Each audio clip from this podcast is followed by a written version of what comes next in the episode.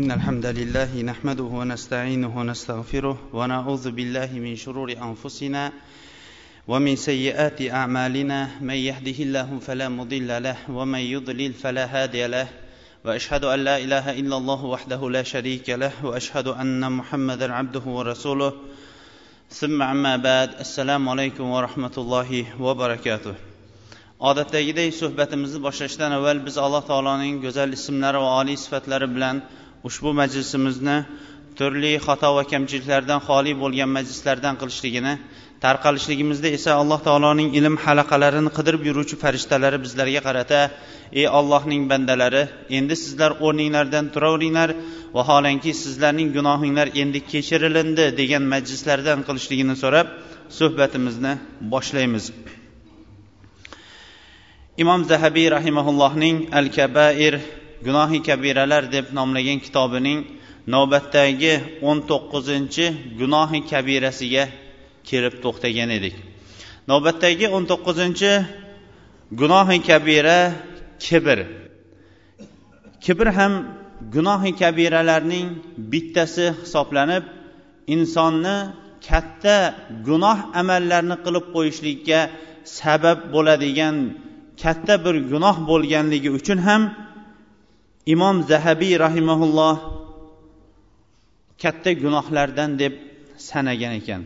Chunki kibr avvalambor yer yuzida eng birinchi sodir bo'lishligi insonni katta gunohga yetaklaganini alloh taolo bizlarga hissa qilib berdi. Balki yer yuzasida kibr bo'lishlikdan avval alloh subhanava taolo o'zining malakutida farishtalaru jin yurgan vaqtida odam alayhissalomni yaratib keyin esa farishtalaru jinni odamga sajda qilishlikka buyurilgan vaqtda iblis sajda qilishlikdan bosh tortib xalaqtahu min tinin va xalaqtani min uni tuproqdan yaratding meni esa olovdan yaratding deb turib kibr qilib ulug' bir makondan badarg'a qilganligi haqida alloh taolo bizlarga hissa qilib bergan auzu billahi minash shaytonir rojim وإذ قلنا للملائكة اسجدوا لآدم فسجدوا إلا إبليس أبى واستكبر وكان من الكافرين biz farishtalarga odamga sajda qilinglar dedik Ularning hammalari ham odamga sajda qildi lekin iblis bosh tortdi kibr qildi va kofirlardan bo'ldi. Kibr iblisning kofirlardan bo'lishligiga sabab bo'ladigan katta bir gunohga iblisni yetakladi va abadiy la'nat tamg'asi bosilishlikka sabab bo'ldi.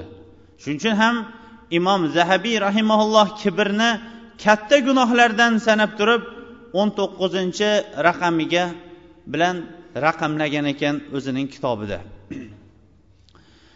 Mana bu oyatdan mufassirlar aytishgan ekanki kibr insonni kufrga olib borishligi aniqdir. Agarchi inson ibodatda va taqvo amallarida sobit qadam bo'lib tursa ham lekin ba'zi bir amallarda kibr qiladigan bo'lsa kufrga borib qolishligi aniqdir deyishgan ekan. Chunki iblis xalaqtahu min turobin va xalaqtani min nar uni tuproqdan yaratding meni esa o'tdan yaratding dedi.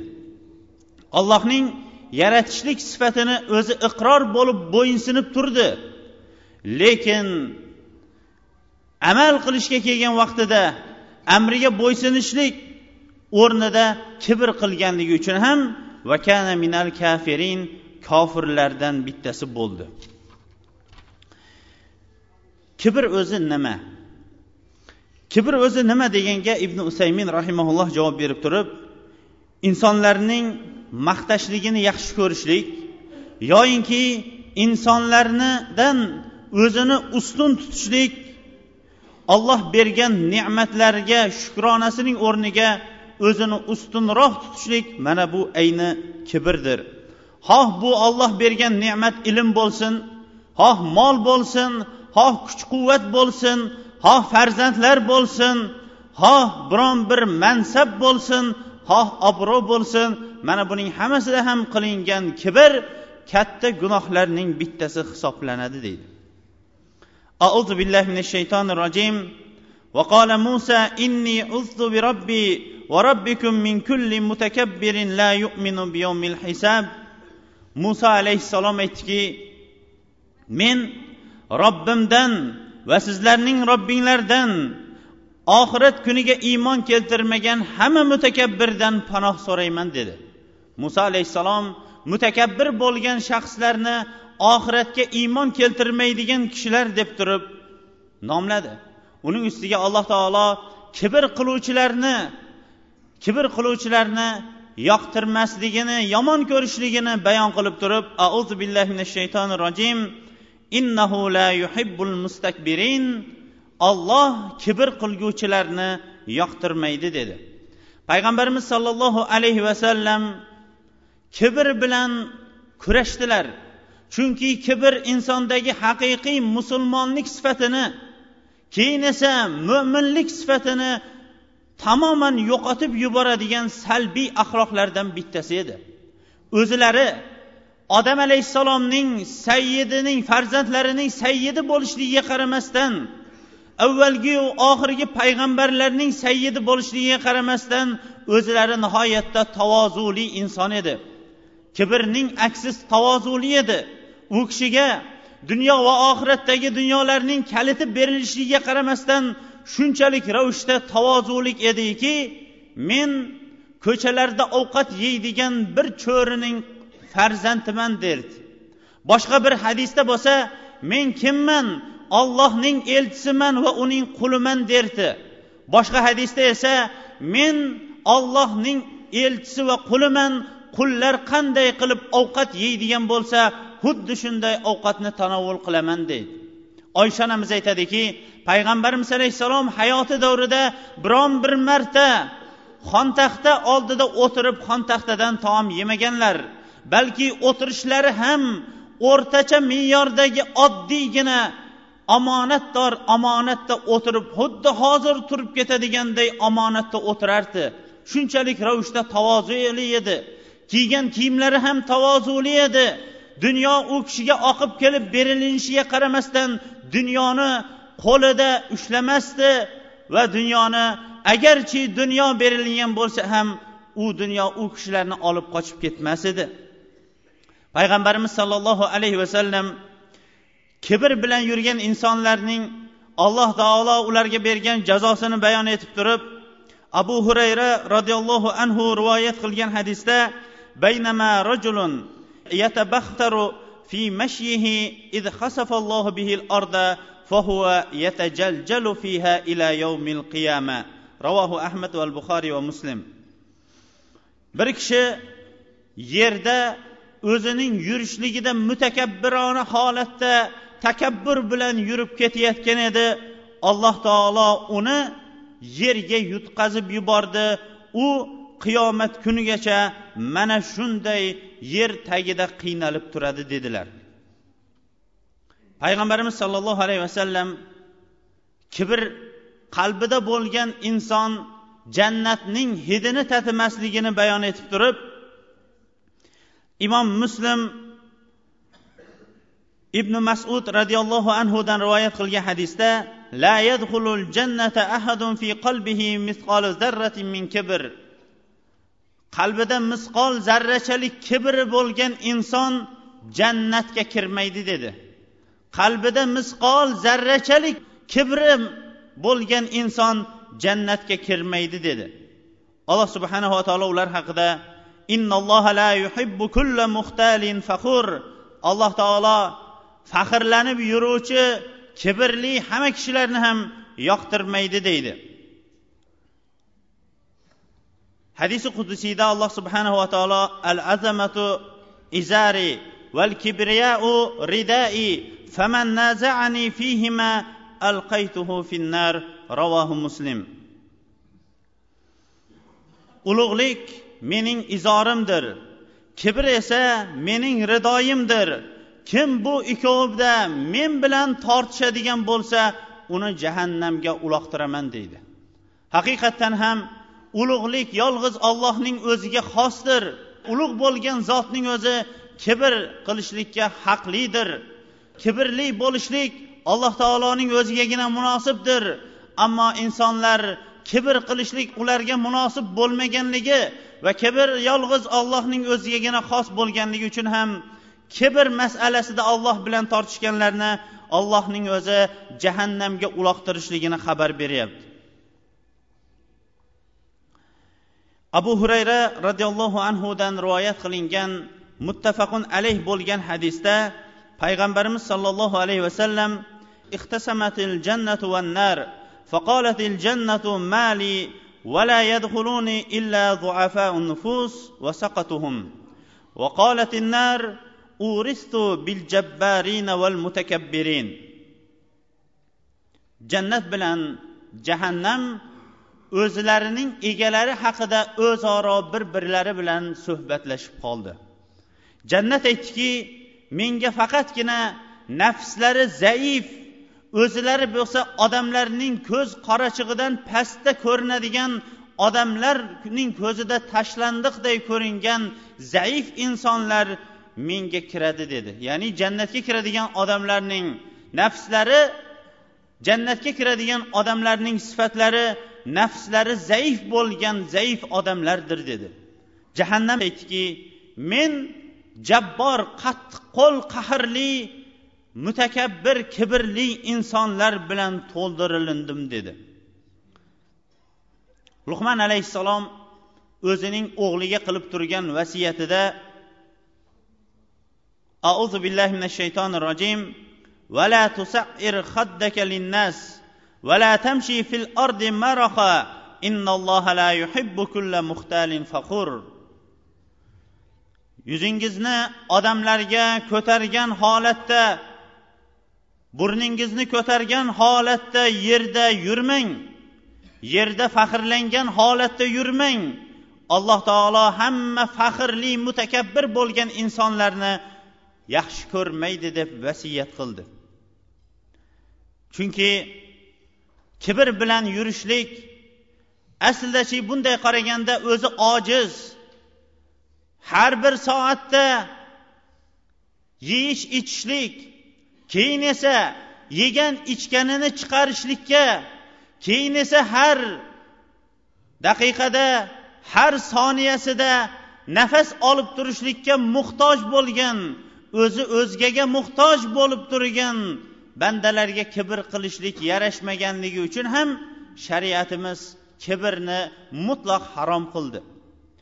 Va eng og'ir kibr va eng katta kibr haq kelgan vaqtda haqni qabullamaslikdir dedi. Payg'ambarimiz sollallohu alayhi vasallamdan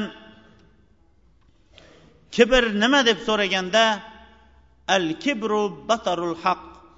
Kibr haqiqat kelgan vaqtda haqni qabul qilmay uni inkor qilishlik va g'amtunnas odamlarning ustidan kesatishlik dedi. haqni qabul qilmaslik hattoyinki payg'ambar alayhissalomning huzurida ham bo'ldi salamat ibn akva roziyallohu anhu rivoyat qilgan hadisda akala rajulun inda rasulillahi sollallohu alayhi vasallam bishimalihi قال كل بيمينك قال لا استطيع فقال لا استطعت ما منعه الا الكبر فما رفعه الى فيه بعد رواه مسلم Rasululloh alayhissalomning huzurida bir kishi chap qo'li bilan ovqat yedi. Payg'ambar alayhissalom botil ishni ko'rgan vaqtida sukut saqlab turmasdi. Darrov haqni bayon qilardi kim bo'lishligidan qat'iy nazar. O'ng qo'lingiz bilan yeng dedi. Shunda kibr bilan o'ng qo'lim bilan yeyolmayman dedi.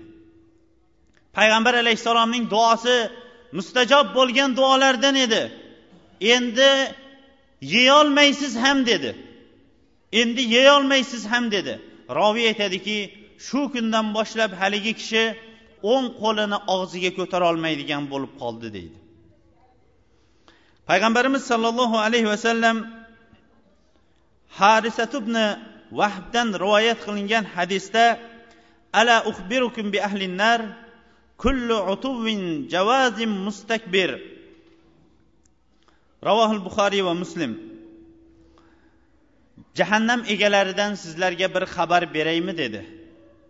Shunda bale deyishganda o'zlari javob qilib aytdilarki gapirganlarida nihoyatda qo'pol dag'al gapiradigan va hamma narsani bo'lmaydi deb turib oladigan mutakabbir odamlar jahannamning egalaridir dedi.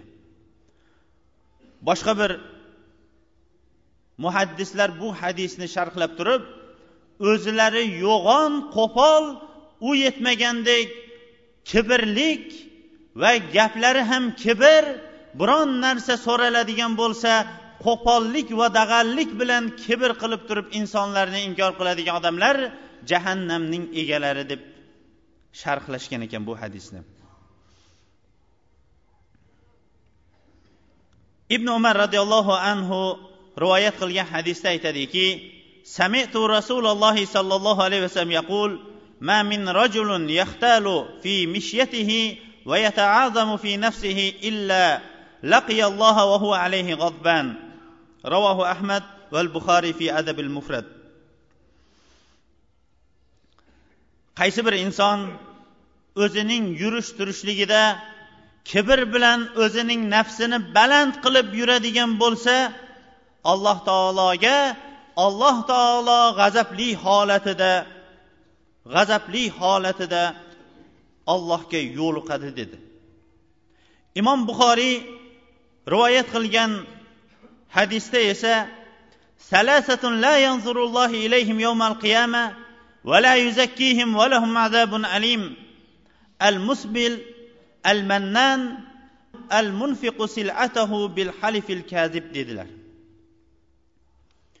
Uchta kishini alloh taolo qiyomat kunida gunohlarini kechirmaydi va ularga gunohlarini kechirishlik u yoqda tursin ularga qarab ham qo'ymaydi. Ular uchun alamlantiruvchi azob ham bordir. Ularning birinchisi al musbil o'zining kiyimini to'pig'idan tagiga qilib sudrab yuruvchi odamlar dedi. Boshqa hadisda esa faxr va kibr bilan kiyimini sudrab yuradiganlar dedi. Ikkinchisi esa al mannan doim minnat qiluvchilar dedi. Alloh taolo minnat qilishlikni ham harom qilib turib baqara surasida auzu billahi minash shaytonir rojim ya ayyuhallazina amanu la tubtilu sadaqatikum bil manni val aza ey iymon keltirgan kishilar o'zinglar qilayotgan xayr sadaqanglarni minnat qilishlik va sadaqa bergan odamlarga ozor yetkazishlik bilan bekor qilib yubormanglar dedi. Mana bu hadisda esa payg'ambar alayhissalom ularning azobi qattiq ekanligini bayon qilib turib al mannan o'shalardan bittasi minnat qiluvchilar dedi. Uchinchisi esa o'zining sotayotgan molini yolg'on qasam bilan sotayotgan insonlardir dedi. Kibr jamiyatda uchraydigan katta bir gunohi kabiralar bo'lganligi uchun ham qur'oni karimda va payg'ambar alayhissalomning sunnatlarida nihoyatda qattiq kibr qiluvchilar faxrlanuvchilar ustidan qattiq azoblar bor ekanligi haqidagi vaidlar vorid bo'ldi.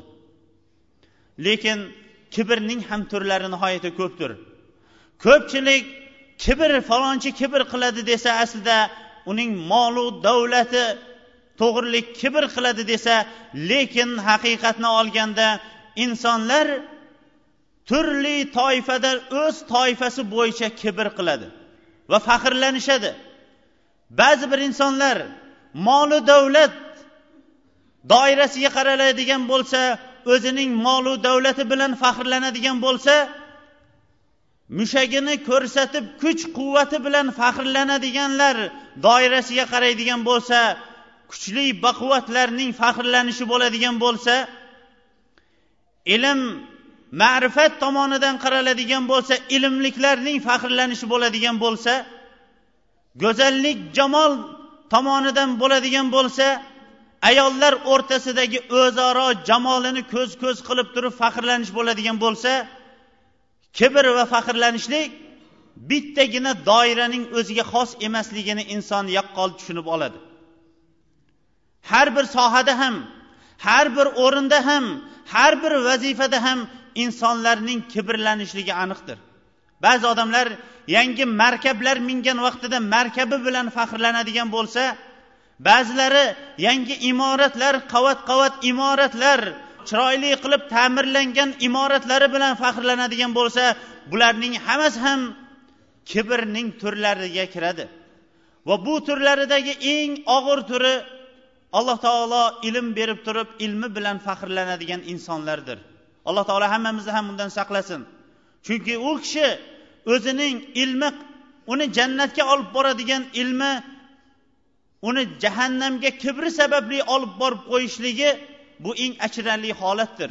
Xuddi iblis sajda qilishlikka buyurilib turgan vaqtida uni tuproqdan yaratding meni esa o'tdan yaratding deb turib yaratding deb turib yaratuvchisiga itoat qilmay yaratguvchisi bo'lgan ollohni tanib turib unga itoat qilmaganga o'xshash ilm egalari bo'lib turib kibr qilgan insonlar kibrlanayotgan insonlar ichidagi eng azobda ashaddiysi mana shular bo'ladi degan ekan ulamolarimiz. Ammo kibrning oldini olishlikchi kibrning oldini olishlikni ham ulamolar ikki ikki yo'l bilan bo'ladi. Birinchi yo'li har bir kibr qilayotgan odam o'zini bir o'ylasin. O'sha kibri qachongacha bo'ladi? Qachon u qayerdan vujudga keldi? Va uning molu davlat bo'lsa molu davlati kuch quvvati bo'lsa kuch quvvati yaqinda ketib qolishligini biladigan bo'lsa mana bunda o'zi kibr qilishlikni nima ekanligini biladi. Ikkinchisi esa qachon xoliqini robbisini taniydigan bo'lsa haqiqiy kibriga haqli bo'lgan zot kim ekanligini shunda biladi. Va shu bilan kibrini yo'qotadi degan ekanlar. Imom zahabiy rahimaulloh o'n sakkizinchi gunohi kabira yolg'on guvohlik berishlik gunohi kabirasi bilan tartiblashtirgan ekan. Yolg'on guvohlik berishlik ham katta gunohlarning bittasi hisoblanadi. Alloh subhanava taolo o'zining bandalarini maqtab turib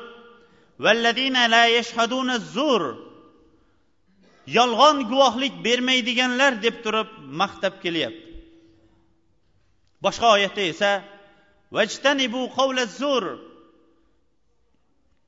yolg'on gaplardan chetlaninglar deb turib allohning o'zi buyruq beryapti. Payg'ambarimiz sollallohu alayhi vasallamning huzurida o'tirgan edik. Payg'ambar alayhissalom bizlarga ala unabbiukum bi akbaril kabair? الإشراك بالله billahi الوالدين ألا وقول الزور ألا وشهادة الزور ما زال يكررها حتى قلنا ليته سكت رواه البخاري.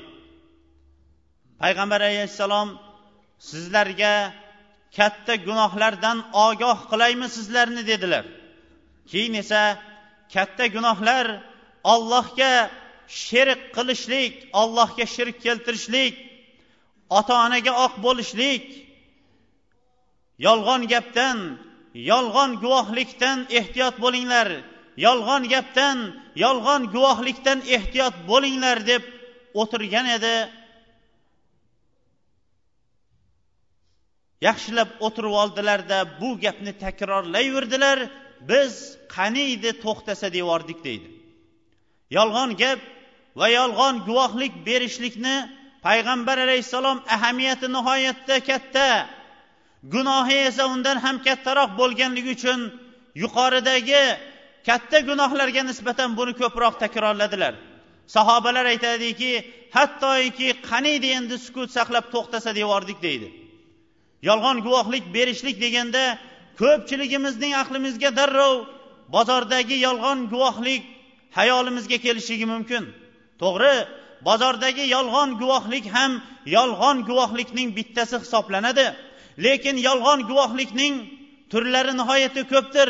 O'shalardan bittasi ko'rmagan narsasini ko'rdi deyishlik qilmagan amalini qildi deyishlik hukumat va davlat tomonidan berilayotgan nafaqalarga o'zining muhtoj ekanligini bayon etib unga qo'shnilarni yolg'ondan guvoh qilishlik sotilinmagan mollarni sotildi deb turib yonidagilarni guvoh qilishlik aytilinmagan gaplarni aytilindi deb turib guvoh qilishlik yoinki aytilgan gaplarni aytilmadi deb guvoh qilishlik. Men mast bo'lib nima deganimni bilmabman keyin ertalab aytishdi xotinimni uch taloq qilib yuborganimni deyishligi. Kecha nima bo'lganini bilmabman deb turib katta gunohlarni qilib turib o'zi keyin yolg'on guvohlikni berib turishlik yoyinki atrofida boshqa boshqa shunga o'xshash yolg'on guvohiga yordam beradigan odamlarni to'plab olishlik.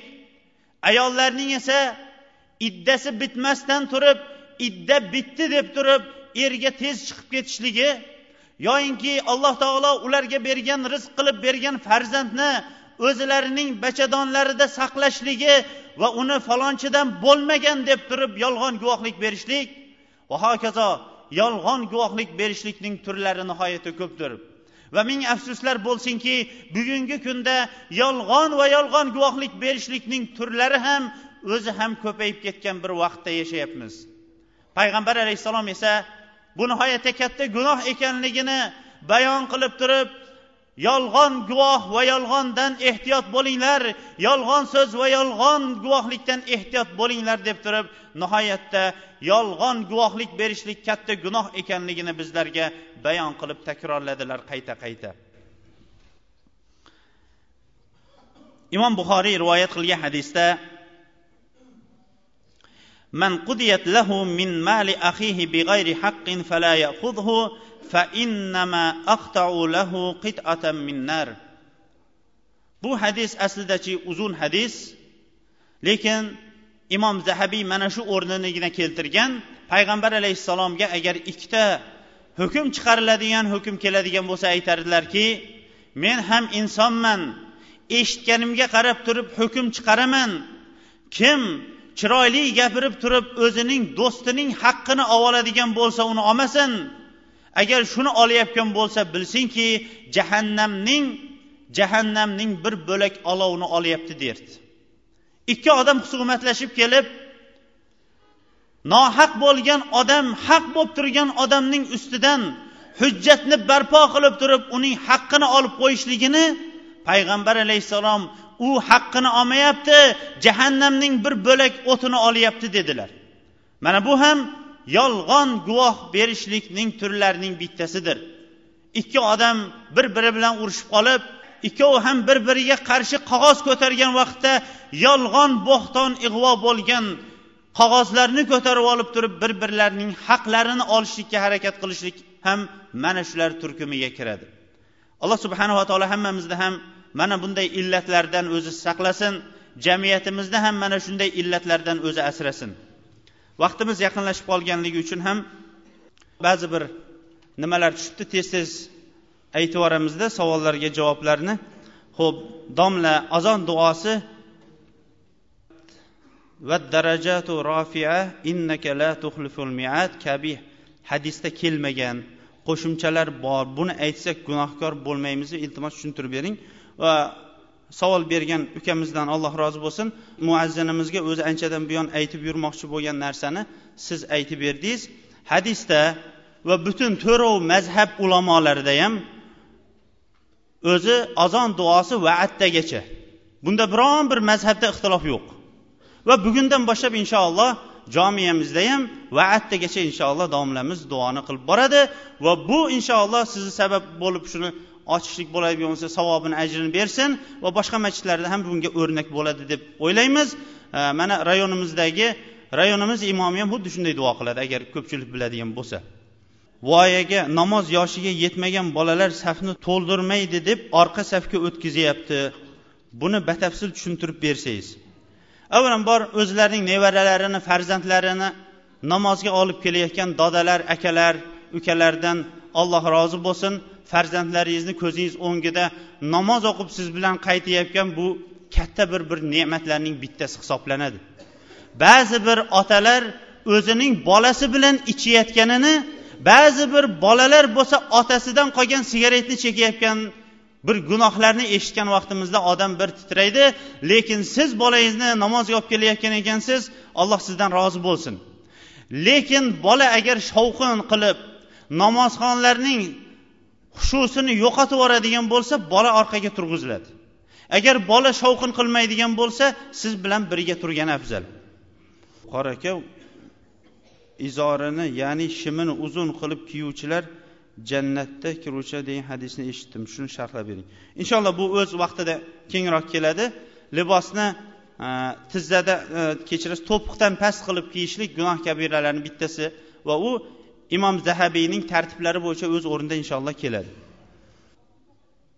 Ho'p islomda qaytgan odam ya'ni vafot etgan odam bo'lsa kerak aytishicha yigirma qirq yil yili oshi degan narsalar bormi? Bo'lmasa nimaga mulla akalar yoshlarga o'rnak bo'lmay o'zilari nima sababdan boradi shu to'g'rimi? Bormasa domlani ham haydaydi. Nima qilsin u mullakalar bechoralar? Yo'q deb borib yo'q deb qaytamiz deyishadi. Shaxsan o'zimizga ham qancha marta shu narsa aytilingan va odamlar ham u narsani yaxshi tushunadi va ba'zilar u amalni qilyapti va ba'zilar harakat ham qilyapti. Ajab emaski asta sekinlik bilan mana shu narsa to'xtab qolsa va to'g'ri aytasiz aslida bunda domlalar o'rnak bo'lmoqligi kerak. Mahallamizda egasi bor egasi yo'q itlar ko'payib ketgan. Kechasi izg'ib ekinlarimizni kovlab ziyon yetkazyapti. Shariat hukmida shu itlarni otib yoki zarar bilan o'ldirsa bo'ladimi? Egasi bor itlarning egasiga aytsa itni bo'sh qo'yib bo'sh qo'yib yuboryapti debdi. Bu ham haqiqatdan ham ko'pchilikka beriladigan tanbeh. Payg'ambarimiz alayhissalom agar itlar bir katta jamoat bo'lmaganda ularning hammasini ham o'ltirib yuborgan bo'lardim degan. lekin alhamdulillah hozir hokimiyatimizda itlarni otib beradigan bir jamoa tashkil topgan shunaqa odam o'zi otmasdan qurol ishlatib hukumat tomonidan javobga tortilib o'tirgandan ko'ra hokimiyatga murojaat qiladigan bo'lsa u itlarni o'zlari otib mushkulingizni oson qilib beradi اللهم تقبل منا انك انت السميع العليم وتب علينا انك انت التواب الرحيم alloh subhanava taolo hammamizni ham qilayotgan toat ibodatlarimizni o'z dargohida qabul qilsin. O'tgan juma bilan bu juma o'rtasida bilib bilmay qilgan gunohlarimizni o'zi mag'firat qilsin. Kelgusi jumaga ham o'zining toati bilan yetishlikka o'zi nasib etsin. Farzandlarimizni o'zimiz o'ylagandan ham ortiqroq salohiyatli farzandlardan qilsin. Farzand so'rayotganlarga o'zi o'ylagandan ham o'zlar o'ylagandan ham ortiqroq salohiyatli farzandlarni bersin bemorlarimizga shifolarni bersin musofirlarni iymon va amali solih bilan qaytishlikka o'zi nasib etsin oilalardagi muammolarni o'zi ko'tarib yuborsin. Nimaiki yaxshi tilaklar niyatlar bo'ladigan bo'lsa juma kunida niyatlarimizni tilaklarimizni duolarimizni alloh o'zi qabul qilsin. Islom va musulmonlarga yordam berayotganlarga allohning o'zi yordam bersin. Masjidni allohning uyini obod qilaman deb yordam qo'lini cho'zayotganlarga olloh o'zini qo'lini cho'zsin. Ularning dunyo va oxiratdagi uylarini o'zi obod qilsin topganlarga o'zi barakot ato etsin. Masjid uchun berganning o'rnini o'zi o'ylagandan ham ko'proq hissalar bilan o'zi to'ldirib yuborsin. Alloh taolo hammamizni ham ittifoqchilik va bir qo'l bir tan bo'lib turib shu masjidimizni to oxirigacha ta'mirlab bo'lgunicha va to qiyomatga shu shu masjid o'zining tavhidi aytilib turadigan uy bo'lishlikka alloh o'zi nasib etsin. Dehqonlarimizning dehqonchiligiga barakot ato etsin va tijoratchilarimizning tijoratini haloldan qilib barakotini bersin va hamma hamma tijoratu boshqa topar yo'llarini o'zining halol yo'li bilan bo'lishlikka va gunoh yo'llarini bo'lsa alloh o'zi oldini olib uni kesib yuborishlikka alloh taolo tavfiq bersin. Payg'ambar alayhissalom nima yaxshilikni so'ragan bo'lsa qishlog'imizga va mamlakatimizga o'sha yaxshilikni so'raymiz. Nima yomonliklardan panoh tilagan bo'lsa o'sha yomonliklardan panoh so'raymiz. Robbana atina fid dunya hasana va fil oxirati hasanata va qina azabannar bi rahmatika rohimin.